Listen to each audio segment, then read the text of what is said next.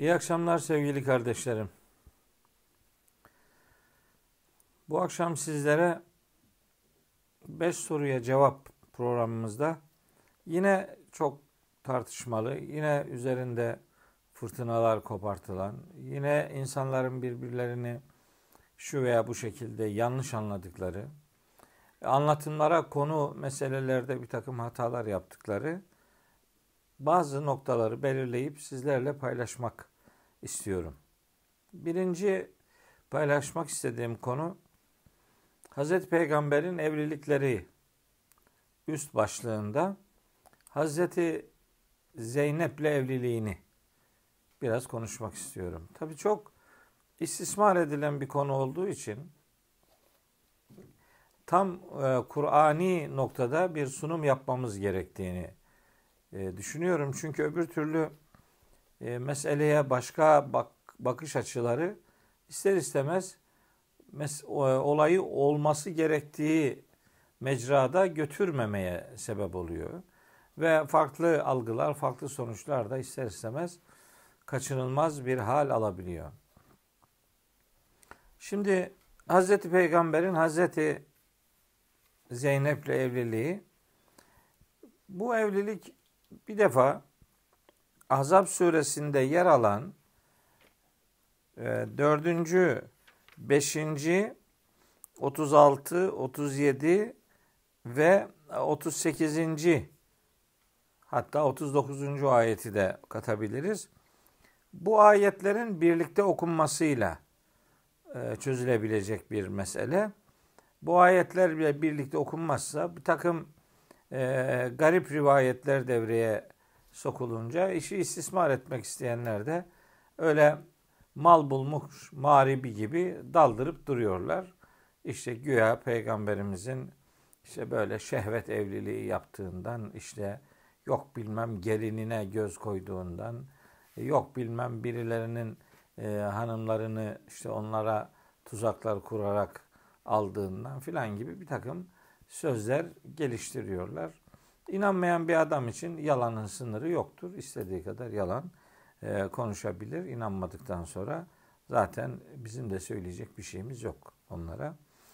E, inanan ve fakat bu konunun doğrusunu öğrenmek isteyen kardeşlerimizedir şimdi söyleyeceklerim. Bu Azap suresinde 4. ve 5. ayetlerde ele alınan o günün sosyal hayatıyla yakından irtibatlı bir mesele var. O da evlatlık kurumu. Evlatlıkların kişinin kendi çocuğu imiş gibi e, yaşantı pratiğine dökülen bir tecrübe vardı o toplumda, o yörede. O arzu edilen hani bir garibe yardımcı olmanın dışında kişinin kendi çocuklarına haksızlığa dönüşen, o çocukların kendi kişinin kendi çocuklarının mirastan mahrum bırakılmalarına neden olan e, başka başka başka sorunları mahremiyet noktasında delen ve o sorunlar üzerinden toplumsal yapının çok önemli yaralar almasına sebebiyet veren bir kurum idi. Şimdi bununla alakalı asıl konu bu şimdi burada.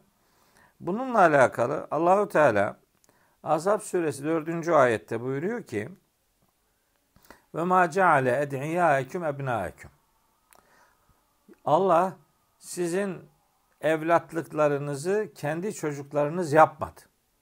Bir defa evlatlık olan çocuk kişinin kendi çocuğu değildir. Bunun bilinmesi gerekiyor. Zalikum kavlukum bi.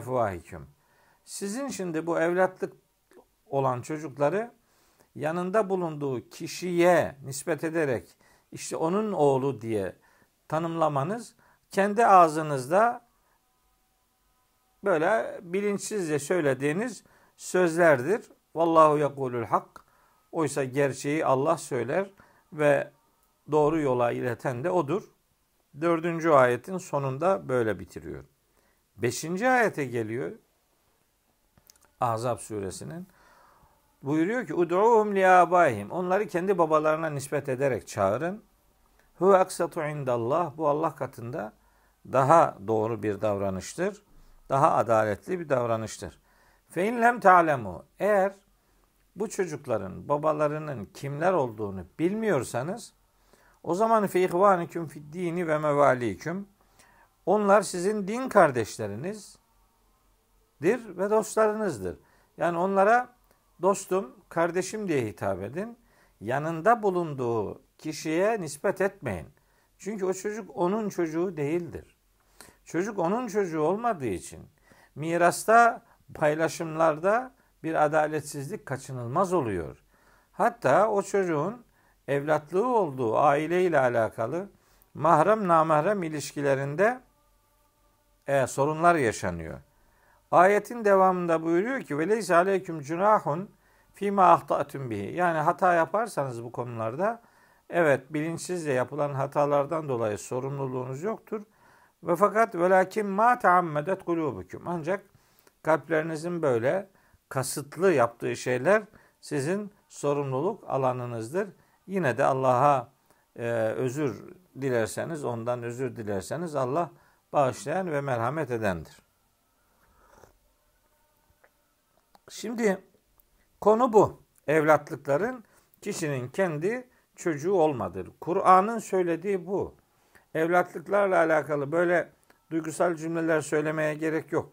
Bir insanın bir başka çocuğu evlatlık almasında onun kendi çocuğu olmadığını bilme noktasında bir eksiklik yoksa sorun yok. Alıp bakabilir tabii ki. Bu mahrem namahrem ilişkisine dikkat ettiği sürece yani kişinin nihayet kendi çocuklarıyla da aynı ortamda bulunduğunda herkesin dikkat etmesi gereken hususlar var. Yani bu benim babamdır, kardeşimdir dolayısıyla istediğim rahatlıkta olayım filan.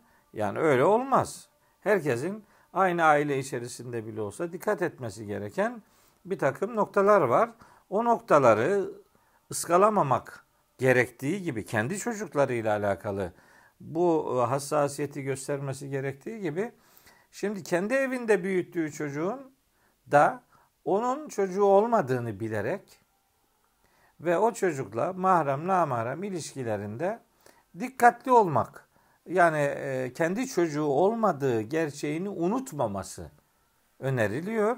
Çünkü böyle kendi çocuğu gibi olunca bakın bu mahrem namahrem ilişkisi zarar görebileceği gibi bana bunun hukuki sonuçları noktasında da işte evlilik, kim kiminle evlenecek, kim kiminle evlenemeyecek, kim kime mirasçı olacak, kim kime mirasçı olamayacak, kim kime ne kadar mal vasiyet edebilir, kim kime vasiyet edemez gibi noktalar yani devasa bir sosyolojik sonuçları olan bir kurum Allahu Teala dikkat çekiyor. Evlatlık almanız yasaktır demiyor. Öyle bir şey yok. Alabilirsiniz. Fakat bilmelisiniz ki evlatlık aldığınız çocuk sizin çocuğunuz değil. Yani onun başka birinin çocuğu olduğunu ona e, unutturmamak gerekiyor. Zira onları babalarına nispetle çağırın diyor. Bakın ayet. Babalarını bilmiyorsanız o zaman kardeşiniz olduğunu, dostunuz olduğunu ve hitaplarınızı ona göre şekillendirmeniz gerektiğini hükme bağlıyor. Böyle bir zorunluluk var. Şimdi bu zorunluluk tabi toplumsal hayatta ıskalanıyor. Yani görülmüyor pek. Sadece bu değil, Kur'an'ın indirildiği toplumsal ortamda başka bir şey daha var. Bir başka bir sıkıntı daha var. O da hani böyle sanki soylu işte asil asil olmayanlar, zenginler zengin olmayanlar hani böyle bir tık daha üstte olup diğerleri daha altta olanlar gibi böyle toplumsal hayatta böyle katman farklılıkları da var. O toplumda, o Arabistan e, coğrafyasında. Evliliklerde de böyle işte biraz sıkıntısı olan, kendince biraz daha düşük görülenleri beğenmiyor e, başkaları. Onlarla evlilik yapmıyorlar vesaire. Böyle de bir e, toplum hayatını e, derinden etkileyen bir takım kamplaşmalar da var yani birinin diğerini beğenmemesi falan diye. Peygamberimiz bu iki noktada elbette e, hakikat neyse onu ortaya koymak üzere dikkat ediyor ve zengin fakir ayrımını ortadan kaldırmak için de kalkıyor. Bu e, hani hatırlı işte asil bir e, hanımla diyelim ki e, daha düşük durumda olan bir erkeğin evlenmesi ortamını hazırlayarak bu e, toplumdaki bölünmeyi, parçalanmayı, birbirine karşı farklı bakışlar geliştirilen o şartları değiştirmek istiyor. O arada oldukça yakını olan e, Hazreti Zeynep işte bir evlilik yaşıyor, boşanıyor filan. Yani boşanmış bir kadın olması itibariyle bazı kadınlar tabi böyle bir taraftan boşanmışlıktan sonra toplumsal hayatta boşanmış kadın işte savrulan kadın gibi algılandığı için o dönemde bazı kadınlar e, boşanmış olsa da başka biriyle evlenebilir ama bazıları böyle evlilik yapmak istemiyor. Ama toplumsal hayatta da savrulmak da istemiyorlar. Onun üzerinden e, Hazreti Zeynep peygamberimizle evlenme isteği ortaya koyuyor. Hatta kardeşlerine e, bu teklifi peygamberimize iletmelerini istiyor.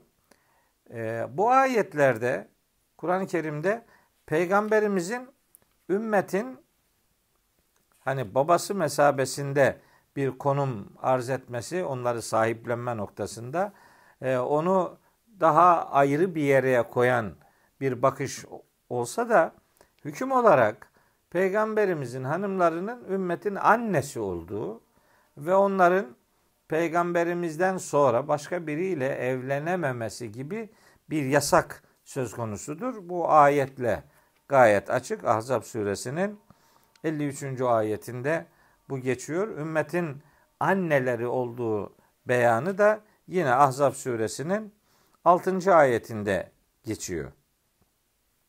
Peki hem toplumsal hayatta savrulmak istemiyor hem de ümmetin annesi olmak gibi hani peygamberin evinde yaşamak gibi bir büyük e, şey, özlem içerisinde peygamberimizle evlenmek isteyince peygamberimizin Hazreti Zeynep'i tanımaması filan böyle bir şey asla söz konusu değil. Hiç ilgisi yok yani.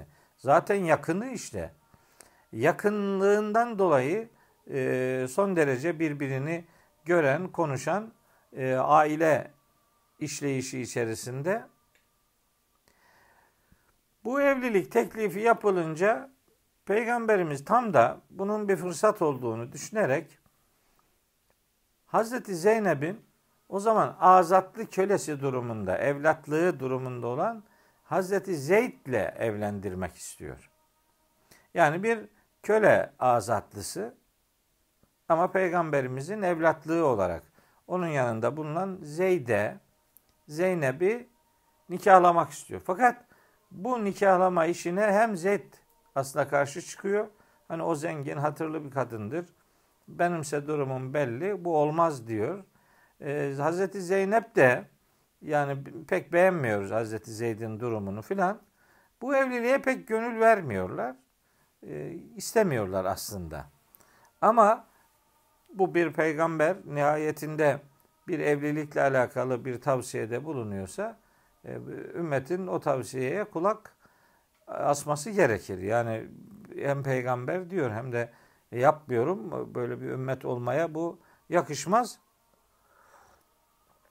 Surenin 36. ayetinde de buna dair e, Yüce Allah buyuruyor ki Allah ve Resulü bir konuda hüküm verdiği zaman hiçbir mümin erkek ve kadının o konuda alternatif arama hakkı yoktur. Kim Allah'a ve Resulüne isyan ederse e, uzak bir sapıklığa, apaçık bir sapıklığa düşmüş demektir.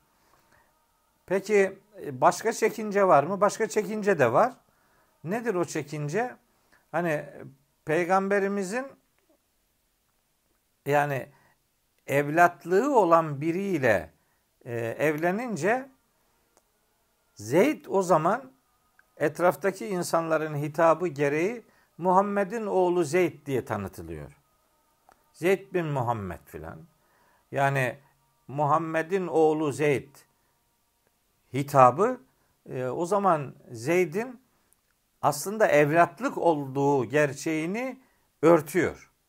Peygamberimiz bunun da ortadan kaldırılmasını yani Zeyd'in onun oğlu olmadığını eğer oğlu olsaydı daha sonra yaşanacak olayları elbette asla ve asla yaşamayacağını da bu vesileyle bir süre sonra ortaya koyacak.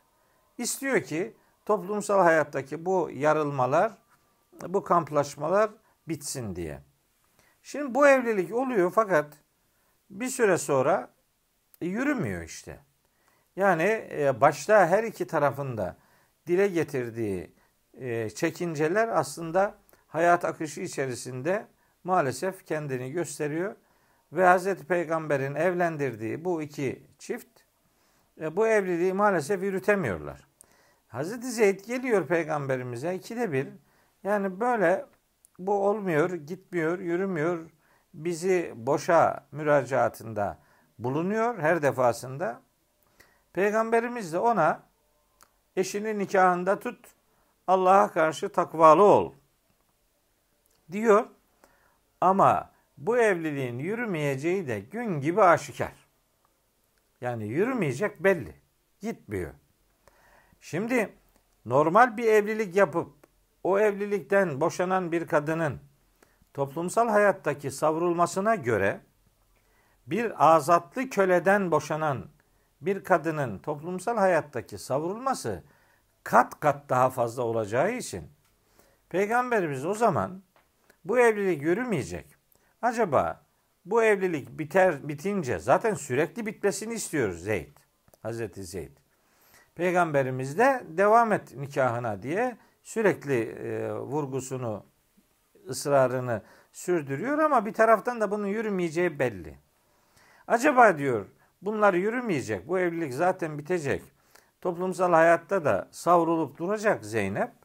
E acaba onun onun onu nikahlasam mı diye düşünüyor. Ee, yani bu efendim peygamber işte evlatlığının hanımına göz koydu. Ne alakası var? Niye göz koysun? Tanımadığı biri mi? Zaten daha önce onunla evlenmesi için teklif edildi. Kim kendisiyle evlenilsin diye bir teklif gelir de yok sen önce şu filanca biriyle bir evlen de sonra ben seni alırım. Kim der bunu yani? Böyle bir şey söylenir mi? Ayıp bir şey. Bu asla ve asla olduğu gibi bütünüyle yalan. Burada bir yalan daha var.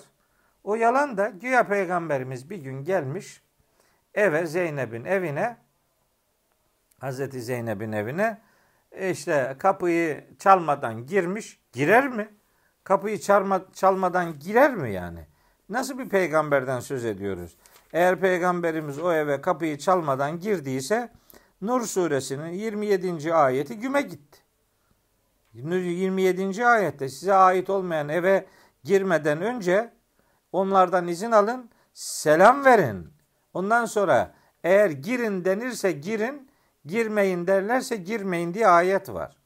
Nur suresinin 27. ayeti. Kardeşim 28. ayeti. Bunlar peygamberimizin hayatında olan ayetler. Şimdi bu ayetleri görmeden güya peygamberimiz gelmiş. Hiç kapıyı mapıyı çalmadan lambur lambur girmiş içeri. Yalan. Yalan yani bu. E orada Zeynep, Hazreti Zeynep çamaşır yıkıyormuş. İşte üzeri de biraz hafif giyimliymiş. Onu öyle görünce güya peygamberimiz demiş ki güya. Subhanallah ya mukallibel kulub sebbit kalbi. Ey kalpleri evirip çeviren Allah'ım kalbime mukayyet ol falan diye böyle demiş. Sonra güya Hazreti Zeynep de bak şimdi böyle yalan dizisi yani. Sonra Hazreti Zeynep akşam Hazreti Zeyd eve gelince demiş ki böyle böyle Resulullah bugün buraya geldi. Beni de işte biraz namüşahit şartlarda gördü. E, e böyle de bir dua etti. Öyle olunca Hazreti Zeyd dedi ki Aa, demek ki böyle bu bu bu iş karışık bizi boşa güya dedi. Ne ilgisi var ya? Nasıl yalan bunlar ya? Olayın başını söylüyorum. Evlatlıklarla alakalı bir problem var ve zengin fakir evlenmesiyle alakalı birbirlerini beğenmemeleriyle alakalı bir e, sorun yaşanıyor. Peygamberimiz iki soruna neşter vurma adına böyle bir evliliğin olmasını istiyor. Sonra da şiddetli geçimsizliğin olduğunu her gün görünce bunun bu sürmeyeceğini anlıyor ve Hazreti Zeynep'in Yine savrulmalarından toplumsal hayatta bir azatlı kölenin boşadığı kanım, hanım olarak işte daha fena savrulma ortamına düşmemesi için onu acaba nikahlasam mı diye düşünüyor. Ama bu arada da evlatlığının hanımıyla evlendi diye milletin neler diyeceğinden de çekiniyor. Allahu Teala işte tam burayı anlatırken diyor ki ve istekulu lillezi en'amallahu aleyhi ve en'amte aleyhi Allah'ın da senin de kendisine nimet verdiğin adama diyordun ki Emsik aleyke zevceke eşini nikahında tut. Vettekillaha Allah'a karşı muttaki ol. Ve tuhfi fi nefsike içinde de bir şey saklıyordun. Ne? Mallahu mübdihi Allah'ın ortaya çıkaracağı şey. Ve takşen nase insanlardan çekiniyordun. Vallahu ahakku en takşah. Bilesin ki kendisine saygı duyulması gereken asıl makam Allah'ın makamıdır. Felemma kada Zeydun minha vataran. Zeyd eşinden ayrılınca Peygamberimiz onu zorla boşamadı. Öyle olsaydı her boşanma teklifi geldiğinde daha birincide boşa derdi. Yok böyle bir şey. Onunla ilgili farklı bir düşüncesi olsaydı onu Zeyd'le evlendirmeden kendisi alırdı bunu. Yok böyle bir şey. Alın, aldı, yürümedi evli, evliliği. Onu da bakımına almak için acaba ne olur, nasıl olur diye düşünürken işte milletin dedikodusundan da çekiniyordu. Allahu Teala çekinilecek yegane makam Allah'ın huzurudur. Zeyd Zeynep'ten eşinden hüküm şey yani ayrılınca ilişkisi bitince zevvecnakeha seni onunla nikahladık, evlendirdik diyor Allahu Teala. Niye? Likey la yekun alel müminin harac. Müminler üzerine artık bir işte sorumluluk kalmasın. Hangi konuda? Fi ezvaci edyaihim İza kadav minhunne vatara. Eşlerinden ayrıldıkları zaman, eşlerinden ayırdıkları zaman değil. Yürümeyen bir evlilik yürümüyor, bitiyor. Biten bir evlilikte evlatlık, evlatlık kişinin kendi evladı değil, kendi çocuğu değil. Yani bunu vurgulamak istiyor aslında.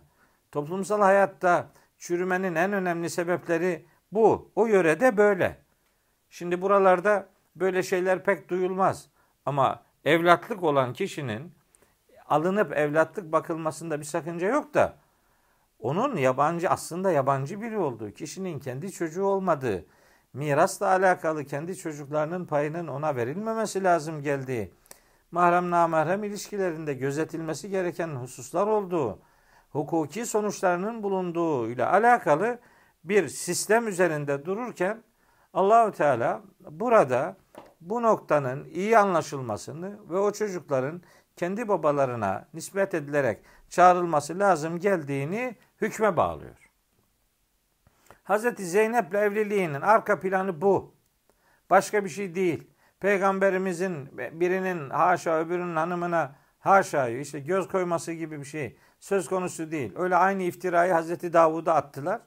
Ee, Kitab-ı Mukaddes'te filan. Hazreti Davud da Kral Aryus'un hanımına göz dikmiş de filan bilmem ne hiç ilgisi yok yani.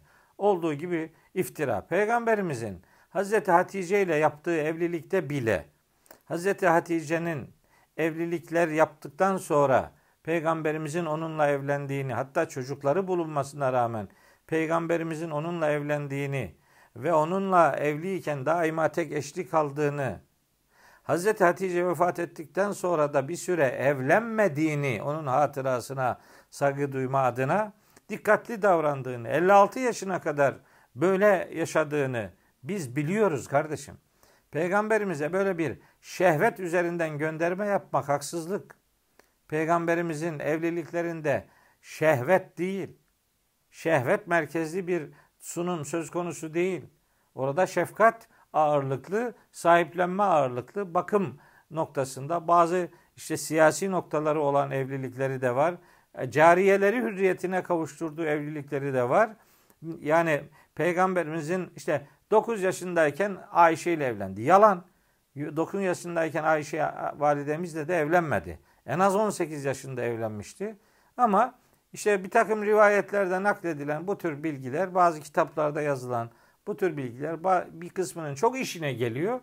Oradan kendilerince işte saldırıyorlar filan. Saldırılacak, e, saldırmak isteyen zaten gene malzeme bulur da Biz onlara işte kendi yazdıklarımızla bu noktada malzeme vermeyelim.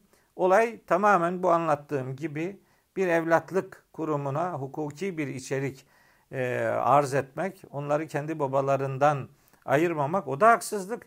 Adamın kendi babası var. O, o da çocuğunu çocuğu biliyor icabında. Onun kiminle o kendi babası ve kendi kardeşleri, kendi öz annesi babasıyla alakalı mahremiyetleri, hukuki ilişkileri, miras durumları, evlenme ile alakalı yasaklar, serbestlikler orada devam ediyor. Siz onu oradan kopardığınız zaman bir süre sonra nesiller darma duman olur. Kimin kiminle evlenip kimin kiminin yakını olduğu, kimin uzağı olduğu sistem darma duman olur.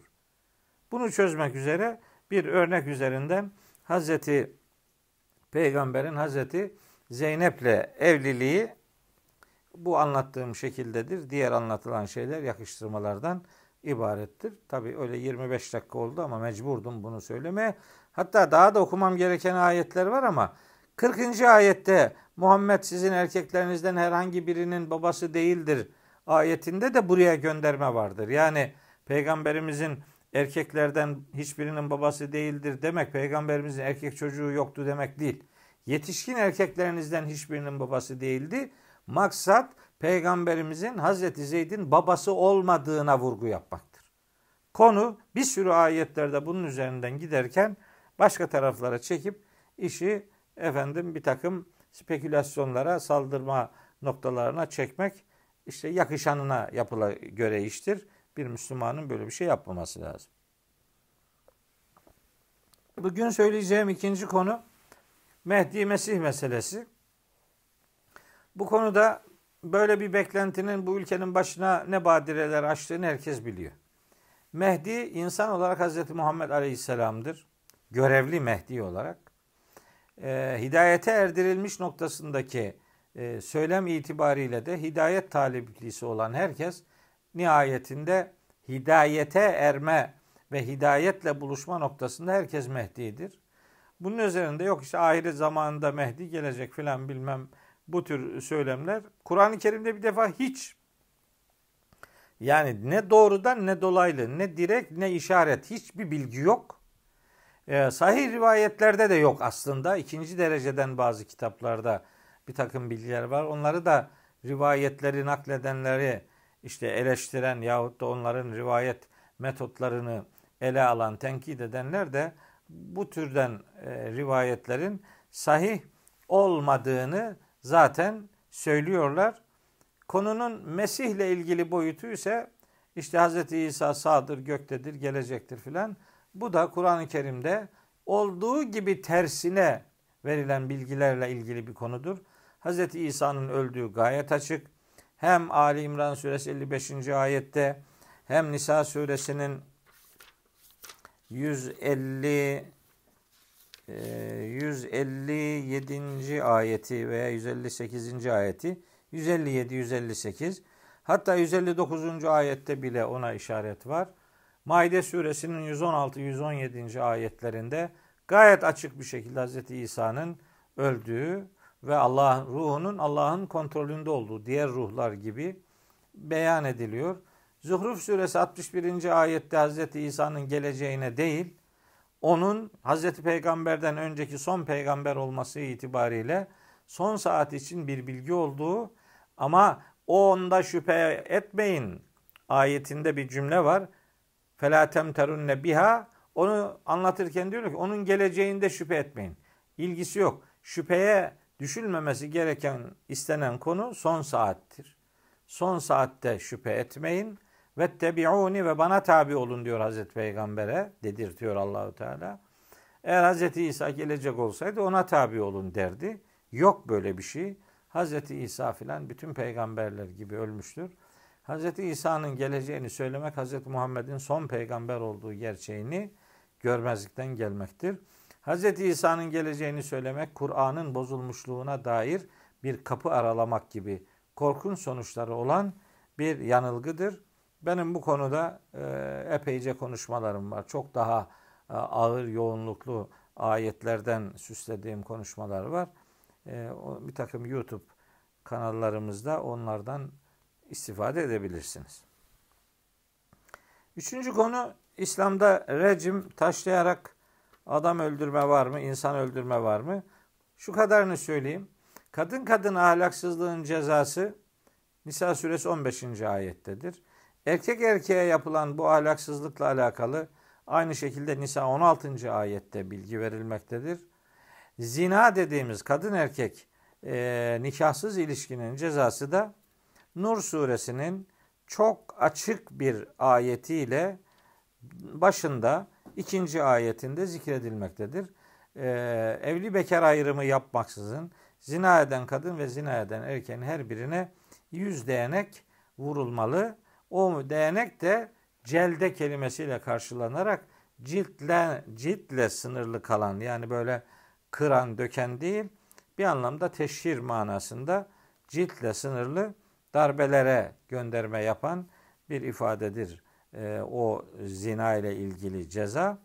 Bu rejim kelimesini şeytanla ilişkilendirip e, onu Hazreti Hacer'in kovması olayıyla da e, alakalı gösteriyorlar. Öyle olunca da güya Hazreti Hacer onu işte taşlamış filan. Halbuki e, şeytanın rejim diye anılması Nahil suresi 98. ayette geçer. Oradaki rejim, rejim kovulmuş demektir. Bu taşla kovulma anlamında bedensel maddi bir kovma değil, iblisin cennetten çıkartılması zamanında Rabbimizin ona söylediği bir sıfattır. Hicr suresinde Rabbimiz buyuruyor ki 34. ayette Kale fahruc minha fe inneke. Sen oradan çık, sen recimsin yani kovulmuşsun. Recim kovulmuş demektir. Benzer ifadeler Hazreti İbrahim'e babası tarafından işte seni kovarım e, manasında geçiyor. Yasin suresinde o şehir halkına gelen elçilere şehir halkının söylediği seni taşlarız anlamında. Taşlamak bu zaten e, bildiğimiz taş atmak değil yani. Bu çok basit bir şey değil mi? Onu kovmak anlamına gelen iblisle de ilişkisi noktasında kovulma üzerinden şekillenen bir duruma gönderme yapılıyor demektir. İşte bu peygamberimiz zamanında uygulandı mı uygulanmadı mı filan bir ölüm cezası gibi büyük bir cezanın Kur'an'da alt e, ona göre altı diyebileceğimiz yüz sopalık bir ceza varken bunun ölüme götürülen e, yorumu bir defa rivayetlerin sıhhatini cidden çok kuşkulu hale getirir. İşte Tevrat'ta vardı. Orijinal Tevrat'ta bunun da olduğu e, kanaatinde değilim. Onda varsa bunda da vardır. Onda bunda yoksa onda da yoktur. Kur'an-ı Kerim önceki ilahi kitapları tasdik eden bir metindir. Dolayısıyla orada başka burada başka gibi e, orada çok daha ağırdı burada hafifti veya orada hafifti burada daha, daha ağırıdır gibi yorumları doğru bulmuyorum. Arap örfünde, Arap geleneğinde böyle bir uygulama olabilir. Bunun e, işte dinde olduğunu göstermek için maymunlar üzerinden yapılan bir benzetmeye de sadece onu kabul eden varsın kabul etsin deyip geçiyorum. Eğer işte böyle bir rejimle taşlayarak öldürme varsa işte o zaman Nisa suresi 25. ayette e, cariyelikten sonra evlenip bir çeşit zinaya bulaşan kadına verilecek cezanın hürlere verilmesi gereken cezanın yarısı olduğu hükmü var. Herhalde rejim denen taşla öldürmenin yarı cezasından söz edilemez. Meselenin bu boyutunu da sizlere böylece kısaca anlatayım. Yine bunun daha detaylı anlatımlarını e, YouTube'da çeşitli yerlerde dile getirdim. Küçük bir hatırlatma yapayım. Dördüncü konu kafirleri bulduğunuz yerde öldürün. Bu tabi kafirleri değil müşrikleri şeklinde geçiyor ayette Tevbe suresinin. Hiç sözü uzatmadan hemen çok kısaca söyleyeyim. Kur'an-ı Kerim bir insan inanmıyor diye onun öldürülmesini asla söylemez.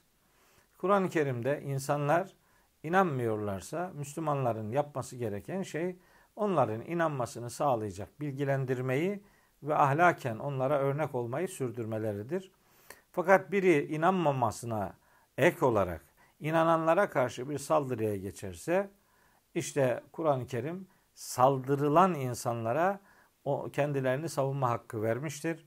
Hac suresi 39-40. ayetler bunun açık delilidir. Tevbe suresi 5. ayette o müşrikleri nerede bulursanız öldürün ayetini müşrikleri nerede bulursanız öldürün diye tercüme etmişler. Oysa orada sözü edilen müşrikler antlaşmayı bozan müşriklerdir. Antlaşmaya sadık kalmayan müşriklerdir. Zaten onlar fiilen savaş halini devam ettiriyorlardı. Sadece işte antlaşma yaparak savaşa son verilen insanlar antlaşmayı da bozunca da Allahu Teala işte onları bulduğunuz yerde öldürün diyor. O zaten müminleri yerinden yurdundan çıkartmış. Onları din konusunda öldürmeye çalışmış. Yurtsuz bırakmış. Onların düşmanlarıyla işbirliği yapmış. Fiili savaşı sürdüren insanlardır. Fiili savaşı sürdüren adamla karşılaşınca da savaşın gereği olarak herkes üzerine düşen görevi yapar.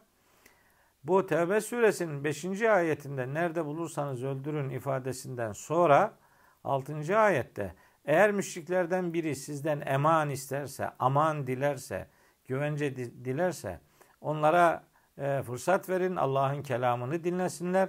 Buna rağmen dinleyip anlamalarına rağmen inanmazlarsa onları güven içinde, güven duyacakları yere kadar ulaştırın diye 6. ayette böyle bir emir vardır. Eğer din, dinden dönen öldürülse veya kafirler ve müşrikler bulunduğu yerde öldürülseydi bu ayet burada yer almazdı. Ayrıca Mümtehine suresi 8. ayette de çok net bir şekilde e, din konusunda sizinle savaşmamış, sizi yerinizden yurdunuzdan çıkarmamış insanlara iyilik yapmanızı ve onlara adaletli davranmanızı Allah yasaklamaz. Aksine Allah iyilik ve adil davran iyilik yapanları, adil davrananları sever diye bir hüküm ortaya koymaktadır. Bakara suresi 190. ayette Rabbimiz kiminle savaşılması gerektiğini söylediği ayetinde buyuruyor ki ve katilu fi sebilillah. Allah yolunda savaşın. Ellezine yukatilunekum. Sizinle savaşanlara karşı savaşın. Ve la ta'tedu. Saldırgan taraf siz olmayın. İnna Allah la yuhibbul mu'tedin. Muhakkak ki Allah saldırganlık yapanları sevmez diyor. 191, 192, 193'te de konuyla ilgili bilgiler var. Ayrıca Nisa suresi 88, 89, 90, 91. ayette de bu konularda bilgiler vardır. Yine ifade edelim. E, bulunduğu yerde müşriklerin öldürülmesi, İslam, savaş, cihat kavramları noktasında pek çok açıklamamın olduğunu buradan hatırlatmış olayım. Belki akılda kalır, e, ümidiyle söylüyorum. Kur'an'ın cihat dediği kavram adam eksiltmek değil, bir kişiyi olsun icabında savaş ortamında bile onu kazanma faaliyetine derler. Cihadımız adam kazanmaya dayalı çabamızdır. Adam eksiltmek sadece savaş ortamlarında açılan savaşa karşı kendini savunmayla alakalı bir meşru müdafaa sistemidir. Onu da bu vesileyle söylemiş olayım. Sonra beşinci bir soru daha belirledik. Ay yarıldı mı? Bu da böyle mucize kavramı üzerinden işte dillerimizi oldukça yoğun meşgul eden konulardan bir tanesi. Hemen e, Kamer suresinin birinci ayetinde Allahu Teala İktarabetis saatu ve enşakkal kamer son saat yaklaştı, ay yarıldı. Son saat. Son saatin yaklaşması ve ay ilişkisi. Biz bunu Kıyamet suresinde biliyoruz. Kıyamet suresinde, Mürselat suresinde, e, Tekvir suresinde gök cisimlerinin son saatte varlıklarını kaybedeceğini, yıldızların söneceğini, güneşin büzüleceğini, güneş ve ayın bir araya toplanacağını, ayın kararacağını söylüyor Allahu Teala. Aslında ay ve son saatle ilişkili olan bu ayeti kerimede maksat son saatte yani sistemin yıkılışında ayın yarılacağı mevcut, mevcut sistemini kaybedeceği şeklindedir. Yok efendim bu peygamberimiz zamanında olduysa muhtemelen bir ay tutulması olayı yaşanmış olabilir eğer o dönemle ilişkilendirilecekse. Ama geçmiş zaman kalıbı kullanılıyor diye karşı çıkıyorlar. Evet geçmiş zaman kalıbı Kur'an-ı Kerim'in bir ifade üslubu gereği olarak sıklıkla kullanılır. Ona göre gelecekte gerçekleşmesi muhakkak olan olaylar için geçmiş zaman kalıbı kullanılır. Bu bir Kur'an üslubudur. Hani öyle sur borusuna üflendiği ayetleri de var ama biliyorsunuz ki sur borusuna üflenmedi henüz. İşte gök e, iyiler cennete sevk edildiler diye ayet var. Henüz sevk edilmediler. Kötüler cehenneme sevk edildi ayeti var. Henüz kötüler de cehenneme sevk edilmediler. Bu olay mutlaka meydana geleceği için Kur'an-ı Kerim ona geçmiş zaman kalıbında gönderme yapar. Zaten müfessirlerin önemli bir bölümü de bunun gelecekte meydana e, geleceğini kabul eden yorumlar yapmışlardır. Ay yarıldı diyenler de elbette vardır. Ay yarıldı ifadesinin bir e, terim olarak her şey gün yüzüne çıktı. Artık gizli kapaklı bir şey kalmadı şeklinde bir mecazi, deyimsel ifade olduğunu söyleyen alimlerin de bulunduğunu bu vesileyle sizlere hatırlatmış olayım. Benim anlayabildiklerim konularla alakalı bundan ibarettir. E, elbette gerçeği sadece Rabbimiz bilir. Başkalarını da dinlemek gerekir. Belki başkaları daha doğru şeyler söylüyor olabilirler. Benim 30 yıllık, 40 yıllık Kur'an çalışmalarımda varıp geldiğim nokta burasıdır. Bunu sizlerle paylaştım. Konuların yoğunluğu nedeniyle bugün biraz vakti 10 dakika açtık. Yapacak bir şey yok. Umarım bu Ramazan gecesinde size hakikat adına 3-5 kelam olsun aktarabilmişimdir. Hata yaptıysam hata bana aittir. Hatayı dinimize, kitabımıza asla mal etmemeliyiz. İsabet ettiysek Rabbim sevabını, ecrini eksik etmesin. Size de bize de hayırla yaşayacağımız bir ömür nasip etsin diyor. Hepinizi Allah'a emanet ediyorum.